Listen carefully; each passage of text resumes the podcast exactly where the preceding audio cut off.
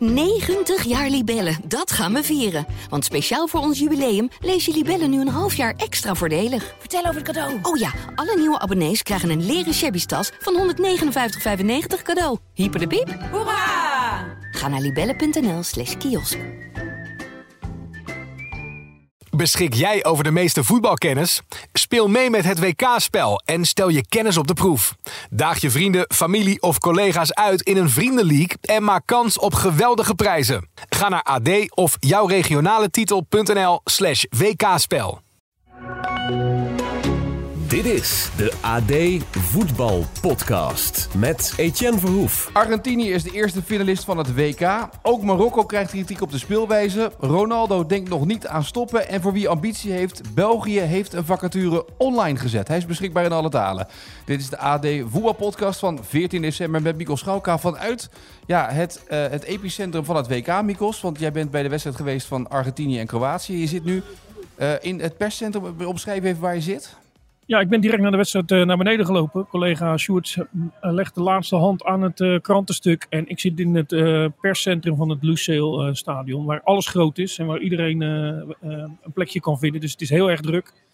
Dus excuses voor de luisteraars als ze misschien wat achtergrondgeluiden horen. Argentijnen zijn ook wel druk. Maar ja, enorm perscentrum. En hoeveel mensen zitten daar dan? Nou ja, voor de wedstrijd, ik denk dat er in zo'n perscentrum zo'n nou, een mannetje of 500 kan. En op de perstribune nog vele malen meer. Uh, maar nu zal het er zijn, uh, ja, ze zitten nog op de tribune denk ik een mannetje of uh, 200. Maar heb je ooit een perstribune gehad waar zoveel mensen op konden zitten? 500 man, dat is echt extreem toch? Het is uh, enorm groot, het stadion. En, en ik heb ook nog geen één keer gehad dat je je voor een wedstrijd aanmeldt. En dat ze zeggen dat er geen plek is. Dus uh, voor journalisten maken ze, uh, maken ze alle plek. Ja, dit is het grootste stadion wat er is. Tussen de 80 en 90.000 mensen kunnen ze kwijt. De enige plekjes die je af en toe ziet, is in die uh, VIP-boxen waar, waar misschien 15 stoelen zitten. En er zijn er soms 5, 6, 7 niet bezet. Die kan je dan van de andere kant goed mooi zien. Die zijn misschien dan toch niet gekomen of niet geïnteresseerd. Vaak zijn het Qatariërs, denk ik, die daar, die daar horen te zitten.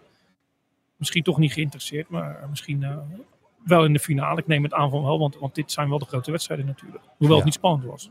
Nee, wou ik zeggen. Argentinië uh, maakte vanaf de eerste minuut eigenlijk duidelijk dat wat het wilde. En dat was snel deze wedstrijd binnenhengelen en door naar de finale. Ja, ik vond het eerste half uur nog wel redelijk gelijk opgaan zonder kansen. Maar uh, ja, toen ze scoorden uit die penalty en direct daarna die tweede, toen was het eigenlijk wel snel gebeurd.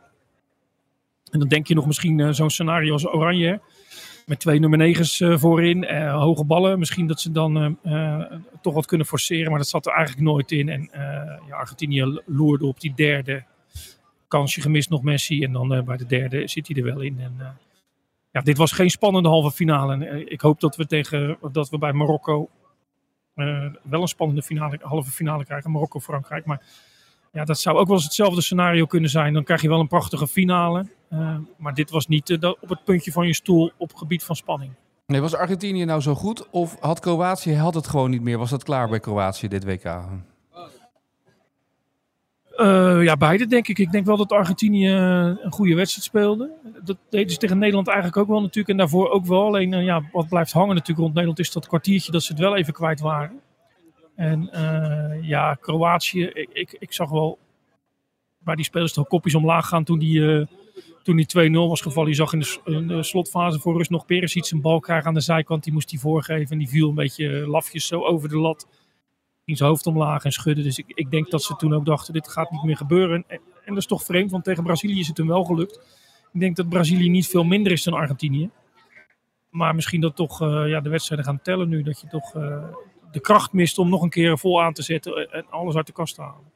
Ja, en Argentinië zonder echt grootste spelen dan ook wel weer. Hè? Ik bedoel, ik zei net Argentinië zo goed, maar het is ook niet groot, toch? Nee, ja, het ligt er een beetje aan wat je onder grootste staat. Ze hebben hem wel uh, volledig gecontroleerd. Maar onder groots wil je misschien zien uh, aanvalsgolf na aanvalsgolf. Maar wat je ziet op dit WK is dat, uh, dat, dat ze toch vooral proberen te controleren. Hè. Dus er valt een, een doelpunt en dan, ja, dan is het niet meer nodig om er nog meer te maken krachten sparen op het eind. Je zag ook al de wissels. Hè? Ook spelers die we nog niet zoveel hebben gezien uh, kwamen in het veld. Uh, dus ja, dit, is allemaal sparen, sparen, sparen. Het lijkt af en toe de Tour de France wel. Hè? En zorgen dat je die eindstreep haalt met zoveel mogelijk uh, energie nog. Want ja, die zal nodig zijn. Dat zal nodig zijn zondag. in hetzelfde stadion. Ja, kreeg je nou applaus voor dit antwoord net of niet? Maar er zit een Saoedi uh, tegenover me, die zit de hele tijd te klappen. Maar die Oh. weet, ja, weet, wel hoe je van Argentinië moet winnen. En, en wij niet. En de, en, eh, en de Kroaten ook niet. Maar je ziet dat vaak, hè. Dan zijn die mensen klaar met tikken. eh, of hun werk doen. En dan komt er een soort ontspanning eh, over zich. Dan lijkt het soms wel een kleuterschool in die, in die perszalen. Mensen worden dan een beetje baldadig. En ja, deze besloot te gaan klappen. Maar Oh. goed, Ja, maar zo- logisch. als een Saoedi alleen klapt, kom je goed weg soms. Hè? Nou, maar het is ook logisch. Want hij zit toch, toch bij de AD Voetbalpodcast te luisteren. Hij zit eerste rij. Ik snap wel dat hij moet klappen. Toch een beetje, hè? Publiekshow aan het worden zo. Ik, ik doe die microfoon zo dicht mogelijk bij mijn mond. Maar eh, ik heb het idee dat hij zo dadelijk weer een applausje in gaat zetten. Eh, goed, we weten Argentinië is door. Eh, finalist. Eh, de andere finalist wordt vanavond bekend. Frankrijk tegen Marokko. Ehm, nou is de bondscoach van Marokko, Walid Regragui, die is een beetje ja, geïrriteerd. Want die, die is een beetje boos over het kritiek, de, de kritiek die hij krijgt op het verdedigende spel op het WK. Ja, onterecht natuurlijk. Want ja, wat hadden we dan van Marokko verwacht?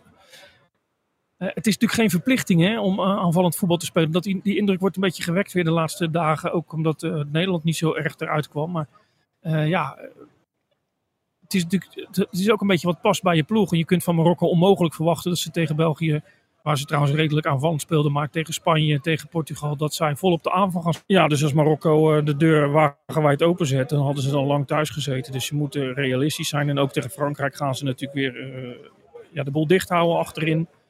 En eh, kijken of ze één of twee tegenstoten kunnen plaatsen. En, en dat is de enige manier voor ze om eh, nog verder te komen. En als ze nu denken, we gaan wat doen met die kritiek, we gaan naar voren rennen.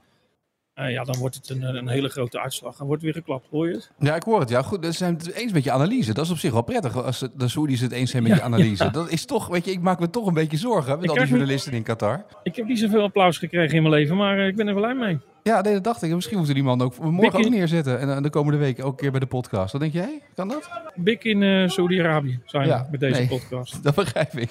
Maar je zegt eigenlijk, ik bedoel, het, is ook, het zou toch heel onlogisch zijn als Marokko deze wedstrijd ineens tegen Frankrijk heel aanvallend zou gaan spelen, toch? Of niet?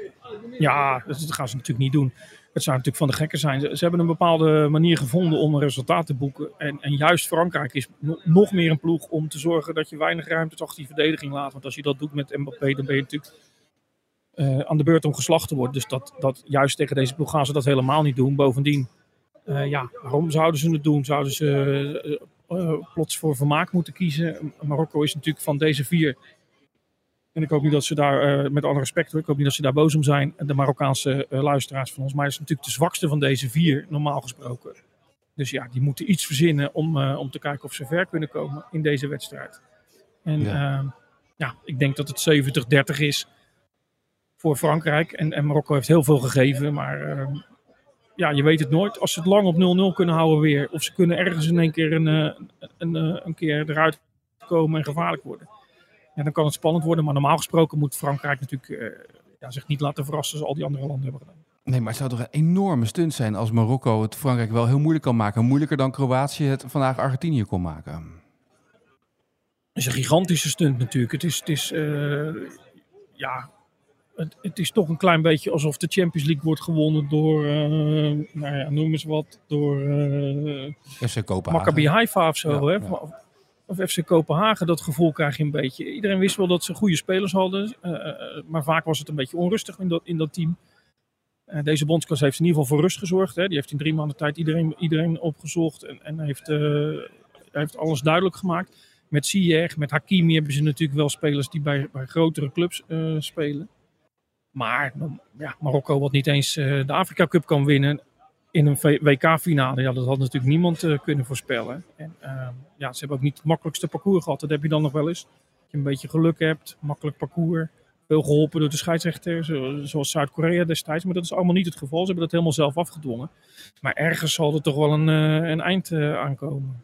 Ja, en krijgt het WK dan eigenlijk de gedroomde finale? Met, eh, eh, los van, dat kan nog van allemaal, maar Frankrijk-Argentinië is dan toch de gedroomde finale voor het WK? Of is eh, eh, Marokko-Argentinië inmiddels de nieuwe gedroomde finale?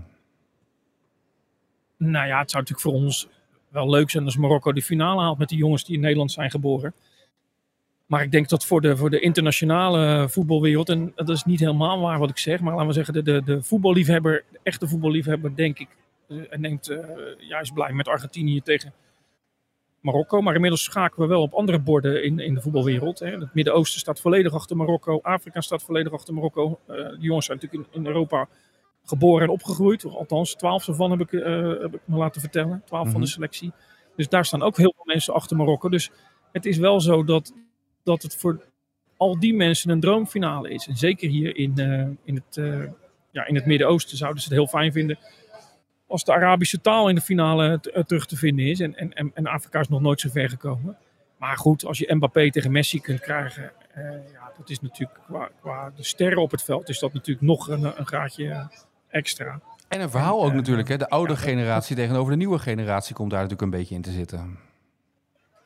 Ja, maar goed, Mbappé heeft natuurlijk zijn WK-finale al gewonnen. En, ja. en, Frankrijk heeft wel wat, uh, noodgedwongen volgens mij, ook wat jongere spelers uh, opgesteld dan, dan, dan toen. Maar ze hebben ook nog bijvoorbeeld Giroud, Varaan, jongen, Loris, jongens die we natuurlijk al jarenlang hebben gezien. Wat, wat wel heel knap is van Frankrijk, en daar stapt iedereen eigenlijk een beetje overheen, is natuurlijk dat ze het zonder Pogba, Kanté, Benzema, Hernandez is geblesseerd uitgevallen in de eerste wedstrijd. Ja, ze hebben gewoon een hele hoop sterren er niet bij. En uh, ja, toch zijn ze zo ver gekomen zonder eigenlijk echt in grote problemen te raken. Engeland misschien een klein beetje die wedstrijd. Maar toch gewoon binnen 90 minuten gewonnen. Dus het is heel, heel knap. Maar wat we bij Frankrijk een klein beetje missen. En, en, en dat strookt misschien niet helemaal met wat ik net zei. Ja, je hoopt altijd dat ze met die spelers iets meer vermaak kunnen bieden. Uh, in, in, in Rusland deden ze dat eigenlijk helemaal niet. Hier ziet het er wel wat beter uit. Maar het is toch vaak op de omschakeling. Maar ja, als je Mbappé hebt met, met zoveel ja. snelheid. Die is nog sneller met de bal aan zijn voet dan zonder ja, als je een klein beetje ruimte voor jezelf kan creëren door achteruit te gaan, de provocerende pressing zeg maar, van Louis, ja, dan, dan heb je een dodelijk wapen in huis. En dat is voor bijna geen enkel land uh, te verdedigen. Ik denk eerlijk gezegd ook niet voor Argentinië. Ik heb het idee dat ze in Saudi-Arabië niet heel blij zijn met dit antwoord dat je zojuist hebt gegeven, want het is een beetje stil met het applaus nu. Nou, ze zijn alle drie uh, weggegaan. Ze vinden oh. die podcasten te lang duren van ons. Volgens mij. Die, uh, dit is, dit zijn in in Saudi-Arabië zijn ze gewend kort, krachtige podcasten. Oh, oké. Okay. 10 minuten, in... kwartiertje maximaal. En dan, want ja, die hebben helemaal geen reistijd naar hun werk, want ze werken niet. Zo rijk zijn ze natuurlijk. Dus, dus die hebben niet uh, 45 minuten reistijd. En even de podcast om, om de tijd te doden. Nee, even oh, snel okay. een kwartiertje. En dan weg. En, da ja. en dan verder. Oké, okay, nou snap ik. Wij gaan nog wel even door. Ja. Want uh, ik wil nog even naar een paar landen zeg maar, om ons heen kijken rondom dit WK. We hebben inmiddels gezien wat er ja. in Duitsland is gebeurd. Hansi Vliek mag blijven. Uh, maar daar hebben ze nu inmiddels gezegd, weet je wat? Uh, we hebben geen technisch directeur. Oliver Bierhoff is weg. Dus wat gaan we doen? We gaan een groep van prominenten neerzetten als een soort panel. Daar zitten in Sammer, Roemenigge, Vuller, uh, Minslav. Dat, dat, dat, is ook lekker om mee te werken voor Hansi Vliek. Zometeen als je zo'n enorme raad van advies nog eromheen hebt technisch hard. Het befaamde ja. technisch hard. Uh, de constructie zoals Ajax hem ook uh, destijds had. Ja.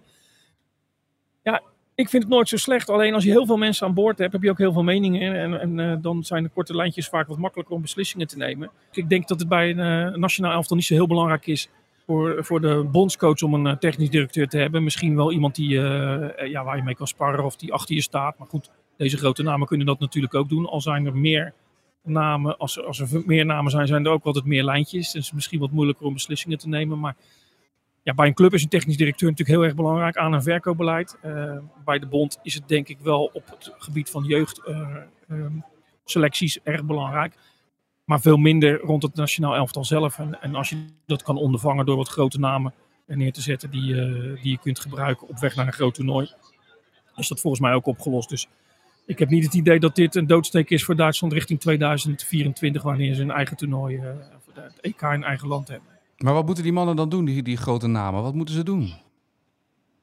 Ja, nou, ja, de meeste waren natuurlijk aan, aan clubs uh, uh, gelinkt. Hè? Dus de Roemenië natuurlijk bij Bayern München. Dus ja, ik denk dat ze, dat ze een manier van rugdekking moeten geven. ja, in ieder geval moeten zorgen dat, dat voorwaarden goed zijn. Dus dat, een bond, dat, dat, uh, dat de bondscoach in ieder geval zijn, zijn trainingskampen kan hebben. Dat de spelers vrij kan krijgen wanneer hij wil. Dat de relatie met de clubs goed is. Maar op voetbaltechnisch gebied lijkt het mij dat Fliek uh, zelf weet wat hij moet doen. Uh, hoe hij wil gaan spelen, et cetera, et cetera. Dus zoals ik zei, ja, er is niet zo gek veel te doen voor een technisch nee. directeur rond een, een, een, nationaal elftal, volgens mij. Nee. Um, er is wel wat te doen in België. en hoe vaak heb je het meegemaakt dat een bond ja. op internet een vacature eigenlijk neerzet van... Goh, wie wil solliciteren, doe het voor 10 januari 2023. Ja, hebben ze vorige keer volgens mij ook gedaan. Ik, ik, ik blijf het altijd wel grappig vinden, want eh, toen kregen ze ook heel veel eh, eh, reacties van jongens die FIFA spelen. Hè? Ja, En dat is een hele aparte groep, want jongens die FIFA spelen, die denken ook echt dat, dat je zo een, een, nationaal elftal kunt le- leiden of een club kunt leiden. Hè? Z- zij kopen spelers of hebben heel, kunnen heel makkelijk scouten omdat daar alles bekend is. Maar die melden zich ook gewoon aan. Dat was destijds ook zo. Eh, wat die Belgen toen deden was een, eh, later een selectie maken. Daar waren de FIFA boys wel uitgegooid. En eh, die lieten ze een analyse maken van de wedstrijd die mis was gegaan op het EK 2016. Dat was België tegen Wales. En daar wilden zij van de, kandidaat bondscoaches weten, hoe, ja, wat was er misgegaan en hoe had jij het gedaan? Ja, daar kwam Ranjik bijvoorbeeld uitstekend uit, maar die Martinez kwam daar helemaal uitstekend uit. Dus zo zullen ze het ongetwijfeld weer gaan doen. Ja, een vacature op internet. Het lijkt me ook een klein beetje onzin, maar eh, misschien dat ze denken dat, we da- dat ze daarmee iedereen eh, eh, in ieder geval in staat hebben gesteld om zich te melden. En dat als er iemand is die denkt, ja, dit is wel iets voor mij, maar zij hebben hem zelf niet benaderd. dat ze in ieder geval de kans hebben dat hij de kans heeft gehad om zich te melden. Maar ja, goed, grote trainers gaan zich natuurlijk niet melden. Naar aanleiding van een, een advertentie op internet. Maar ze zullen het gaan doen zoals ze het vorige keer hebben gedaan. En dat was redelijk succesvol. Alleen Martinez is iets te lang doorgegaan met wat oudere spelers. En ja, dat heeft hem uiteindelijk de kop gekost. en welke wedstrijd zou jij dan uitkiezen? achteruit. Welke wedstrijd zou je kiezen van de Belgen die je zou laten zien van dit WK? Nou, ze, ze, kunnen nu, eh, ze hebben er nu genoeg om te kiezen. Maar eh, ja, maar- maar ik zou zeggen die wedstrijd tegen Marokko, waarin heel veel misging. Want in die laatste wedstrijd, eh, daar hadden ze nog best wel kansen natuurlijk. Om, zelf, om, het, om het zelf te beslissen. En als Lukaku daar een van die grote kansen had gemaakt tegen Kroatië, dan was Kroatië al weg geweest. Maar die wedstrijd tegen Marokko, ja, die ze, dat was natuurlijk een cruciale wedstrijd en die verloren ze met 2-0. Eh, dus ja, daar zou ik als bondscoach, eh, als kandidaat bondscoach van willen weten, ja, wat, wat, wat hebben ze daarin fout gedaan? En hoe had jij het gedaan? Ja. Nou, de, de tekst van de bond luidt: De KBVB is op zoek naar een fulltime bondscoach die weet wat winnen is. De nieuwe bondscoach is resoluut, ambitieus en heeft de nodige internationale ervaring op topniveau. Eh, voetbaltactische kennis en inzichten, als ook de juiste persoonlijke skills. Hij is een serial winnaar met ervaring in het managen van topspelers. Hij weet hoe je eh, moet, moet inzetten op het creëren van een hechte groep en hoe je jonge spelers kan integreren. De voetbalbond is op zoek naar een tactisch expert die zijn keuzes ondersteunt met data, technologie en objectieve parameters en gebruik maakt van de sportieve expertise en de structuur van de KBVB. Dat klopt natuurlijk allemaal. En het slaat natuurlijk nergens op om daar een advertentie voor eh, te plaatsen. Zo, eh, zo werkt het natuurlijk niet in de voetbalwereld. Je, je hebt zelf je mensen op het oog. En er zijn eh, vast mensen die zich eh, geroepen voelen om zich te melden bij, eh, bij de Belgische Bond. Maar niet naar aanleiding van een advertentie. Het is niet zo dat je, dat je een controle nodig hebt op de zevende verdieping van een, eh, van een, eh, een groot internationaal bedrijf of zo. Dit is gewoon een hele andere wereld. En er zullen ongetwijfeld mensen zeggen, eh, die hier naar luisteren, die zeggen ja, dat is weer ouderwets. Maar het slaat natuurlijk nergens op als je een advertentie met alle skills gaat plaatsen voor een bondscoach. Daar, dat werk moeten ze natuurlijk vooraf zelf doen. En misschien dat zich een onverwachte kandidaat meldt, maar eh, ja, een beetje overdreven is dit wel. Nou, je, moet wel, je moet wel weten wat winnen is. Hè? Dus ik bedoel, eh, iemand die veel nederlagen leidt, die moet niet Nou ja, al die dingen. Nee, ja, al die dingen. En, en natuurlijk, het moet met data ondersteund worden. Ja, het, het, is, het is gewoon wat grote clubs op dit moment zoeken en wat landen op dit moment zoeken. Dat zal bij niemand anders zijn. Er is natuurlijk geen bond die zegt. Je kunt bij ons komen werken. Je hoeft totaal niet te weten wat winnen is. Je hoeft het ook niet te ondersteunen met, eh, met data. eh, eh, nog een paar van die skills die je net opnoemde. Alle clubs die wat willen bereiken, alle landen die wat willen bereiken, die zoeken, die zoeken zo iemand. Ja. Maar als ik wij dan bijvoorbeeld Kroatië zie, dat is niet de avond misschien om dat te, dat te Ja. roemen. Maar die, die Dalic hebben ze destijds eh, binnengehaald. Omdat die, eh, die bondscoach ervoor, dat, dat lukte niet echt. En ja, die had een beetje in het Midden-Oosten gewerkt. En die kreeg niet eens een contract. Dus ze hadden gezegd, zorg maar dat je je plaatst eh, voor, het, eh, voor het WK, was het volgens mij ook. En eh, ja, als, als dat je lukt, krijg je misschien een contract. En die spelers die zeggen, ja, hij kwam eigenlijk uit het niets. Maar het is wel iemand die, eh, ja, die ze noemen hem de probleemoplosser. Dus eh, dat is dan vanavond niet gelukt, of gisteravond voor de luisteraars. Niet gelukt tegen Argentinië, maar eh, ja, soms is het, is het ook niet nodig om bij een land iemand te vinden die, die werkelijk waar op de, de Guardiola-manier te werk gaat. Maar kan het ook iemand zijn die zorgt dat de neuzen de goede kant op gaan. Die zorgt dat, eh, dat spelers zich eh, vrij en veilig voelen en, en, om te voetballen. En ehm, ja, dan, hoeft het ook niet al te moeilijk te zijn. Het is niet zo dat ze je allemaal maar voor zo'n groep kunnen zetten. Maar het is natuurlijk wel iets anders dan een club. Hè? Bij Ja. een club wordt echt, echt heel de tijd gewerkt aan systemen en dergelijke. Ja, hier kan het zijn dat je een groep goede voetballers bij elkaar krijgt. Waarvan je, waar, waar je kunt zorgen dat de sfeer goed is. Natuurlijk moet je tactisch iets weten. Ze kunnen niet zomaar eh, een gek voor de groep zetten. Maar ja, bij landen kan het nog net wat anders zijn. Dus ik heb nu al het eh, landenvoetbal, heb ik de technisch directeur zojuist afgeschaft. En Ja. eh, bij het trainerschap eh, kunnen, kunnen ze ook wel wat anders bekijken. Eigenlijk is het niet zo moeilijk. Landenvoetbal. die FIFA-jongens kan je prima voor de groep zetten, bedenk ik me nu, als ik het zo een beetje hoor. Hè? Ja, die zijn er wel meteen eh, uit, want die hadden geen internationale ervaring, zag ik in de advertentie van de Belgen. Of ze moeten Weet- zelf zeggen, ja, ik speel met FIFA heel vaak eh, Colombia tegen Chili. Ja, En dat is ook internationale ervaring. Maar, Ja. maar, ja ik vind het nee, een beetje ja, bekrompen. Die, Die, komen natuurlijk op, niet door de, door de, die, jongen, die FIFA-jongens spelen over de hele wereld met elkaar. selectie. Bovendien zijn ze, ja, er zijn ook allemaal 16. Je kunt er geen bondscoach van 16 aanstellen. Nou, misschien is dat en een ze zien goed allemaal idee heel wit, want ze komen nooit buiten. ja. nee, maar die filteren ze er natuurlijk wel snel genoeg uit. Of wou jij een, eh, grap maken over België? In deze- Nee, zeker in niet. deze Zeker niet, zeker niet. Nee, ga ik, je- ik ga het niet aan wagen. Nee, zeker niet. Eigenaar, hè? Eigenaar Ja, van ons is daarom. een Belg, hè? Dus Nee. daar waren we heel voorzichtig zijn. Tot slot nog even twee dingen. We Ja. moeten zo meteen nog naar de vraag van vandaag. Maar eerst even naar Portugal. Daar wordt nu eh, in de Portugese kranten geschreven dat Cristiano Ronaldo mogelijk niet zou stoppen als international. Moet er niet iemand tegen hem zeggen, joh, Ja. doe dat even niet meer. Ga gewoon lekker voetballen nog in, in Saudi-Arabië en, eh, en, en doe dat lekker. Ehm, ja, dat is natuurlijk best vervelend voor een bondscoach als je er geen gebruik meer van wil maken. Dus eh, dan heb je natuurlijk liever dat hij zelf zegt, ik, eh, ik ben er klaar mee en doe maar een mooie afscheidswedstrijd en dan zijn we klaar. Maar die ambitieuze Ronaldo, die denkt natuurlijk, ja, dat WK is natuurlijk nu niet in de zomer gehouden. Dus er is alweer een half jaar, je bent alweer een half jaar dichter bij het komende EK. Nou. Die kwalificatiewedstrijden, daar kan ik er nog een paar van meepikken. En dan zit je zomaar weer op het EK. Die anderhalf jaar, die hou ik ook nog wel vol. Dus ik begrijp het wel vanuit zijn oogpunt. Maar als je als bondscoach echt denkt, ja, nu is het wel het moment gekomen dat we met andere spelers moeten gaan werken. Dan hoop je misschien dat hij zelf zegt, ik, ik stop ermee. Of je moet hem in een rol kunnen krijgen ehm, eh, waarin hij zeg maar, een beetje meer eh, afstand neemt. En een beetje meer een bijrol kan vervullen. Maar daar is hij niet zo sterk in gebleken. Bij Manchester niet en bij Portugal ook niet. Dus ja, lastig. lastig. Ik weet niet of de bondscoach daar blijft, Fernando Nee, Santos. maar schijnt ja, ook weg te zou een gaan, nieuwe bondscoach meteen al met... Oké, dus dan- ja, dan is het misschien ook lastig voor een nieuwe bondscoach als hij meteen dat op zijn bordje moet nemen. Aan de andere kant maak je dan wel meteen duidelijk wie de baas is. Ja, en die maakt ook gelijk vrienden. Nou goed, gaan we tot slot van deze podcast naar deze rubriek. De vraag van vandaag. Ja, jij kreeg gisteren natuurlijk eh, de vraag eh, van mij over de snelste wissel vanaf de start van een wedstrijd. Eh, welke wedstrijd was dat? Welk jaar? En na hoeveel minuten was het? Dus je hebt hulp gezocht online ook, heb ik gezien. Dus ik ben heel benieuwd wat je Ja, antwoord gaat zijn. Ja? Mike- Michael Owen, hè? Was het? Nee? Nee, die was het niet. Ja, toch? Nee, die was het niet. Nee, Of heb ik nou verkeerd, je bent verkeerd voorgelicht. heb ik nou verkeerd gekeken? Ja, nee, je bent verkeerd Oh. voorgelicht.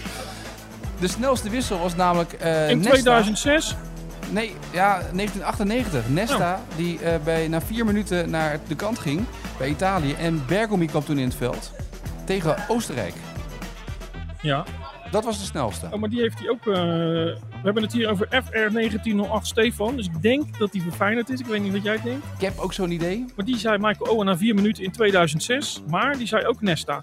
Ook na Ja. vier minuten gewisseld bij Italië-Oostenrijk in Ja. 98. En waarschijnlijk is Nesta een paar seconden eerder. Ja. Daardoor is Nesta zeg maar de snelste wissel tot nu toe op de start van de wedstrijd. Ah, Oké, oké. dus hij had wel kennis van zaken. Ja, dat kan natuurlijk ook nog dat iemand op eh, Twitter denkt, ik gooi er gewoon een uit. En eh, die mafkees zal het wel eh, hard op roepen in die podcast. Staat hij nog voor Joop ook. Maar ik had het eh, bij deze allebei eh, niet meer op mijn netvlies. Allebei die wissels. Maar nou mag ik de vraag verzinnen? Voor morgen voor Sjoerd, hè? dus doe je best. Voor Sjoerd. Ja, daar komt hij. Nou, Argentinië, die won vanavond. Won gisteravond voor de luisteraars. Ze hebben ook wel eens een wedst- WK-wedstrijd verloren met 1-0 van een land waarvan een, een speler scoorde en zijn zoon heeft later in de eredivisie gespeeld. We willen het land weten, de naam van degene die het winnende doelpunt maakte tegen Argentinië en bij welke club in de eredivisie is zijn zoon daarna gaan voetballen. Sjoerd is ietsje jonger dan ik. Ik ben 49. 49, Sjoerd is eh 25. Nee, dat- ik denk dat hij net dat WK een beetje gemist heeft. In, eh, in, eh, dat is de laatste tip natuurlijk. Ja, In het bewustzijn en het bewust naar voetballen kijken. Dus het gaat erom. Argentinië verloor destijds op een WK een wedstrijd. Met 1-0. Het doelpunt werd gemaakt door eh, een speler waarvan zijn zoon later in de eredivisie is komen te spelen. Niet al te lang en ook niet al te succesvol. We willen weten welk land, welke speler en waar heeft zijn zoon gespeeld. Nou, gaan we meenemen. Morgen mag Sjoerd de antwoord op geven. Maar Sjoerd kan natuurlijk geholpen worden via Twitter. Eh, hashtag AD Voetbalpodcast. Of Ja. stuur het naar Sjoerd alvast. Dan kan hij mooi het antwoord daarop gaan geven morgen in de AD Voetbalpodcast. En je mag ook zelf gaan puzzelen. Als je het weet, laat het ook vooral weten. Want dan eh wie ere toekomt als je dit soort vragen weet. Dan krijg je ook de volle eer en glorie in deze AD Voetbalpodcast. En mogelijkerwijs een Saoedisch applausje. Dat kan zomaar tussendoor eh, erin gegooid worden. Ja. je weet het nooit. Mikkels, dank voor vandaag. Nee. Eh, en eh, mooie dag. Graag gedaan.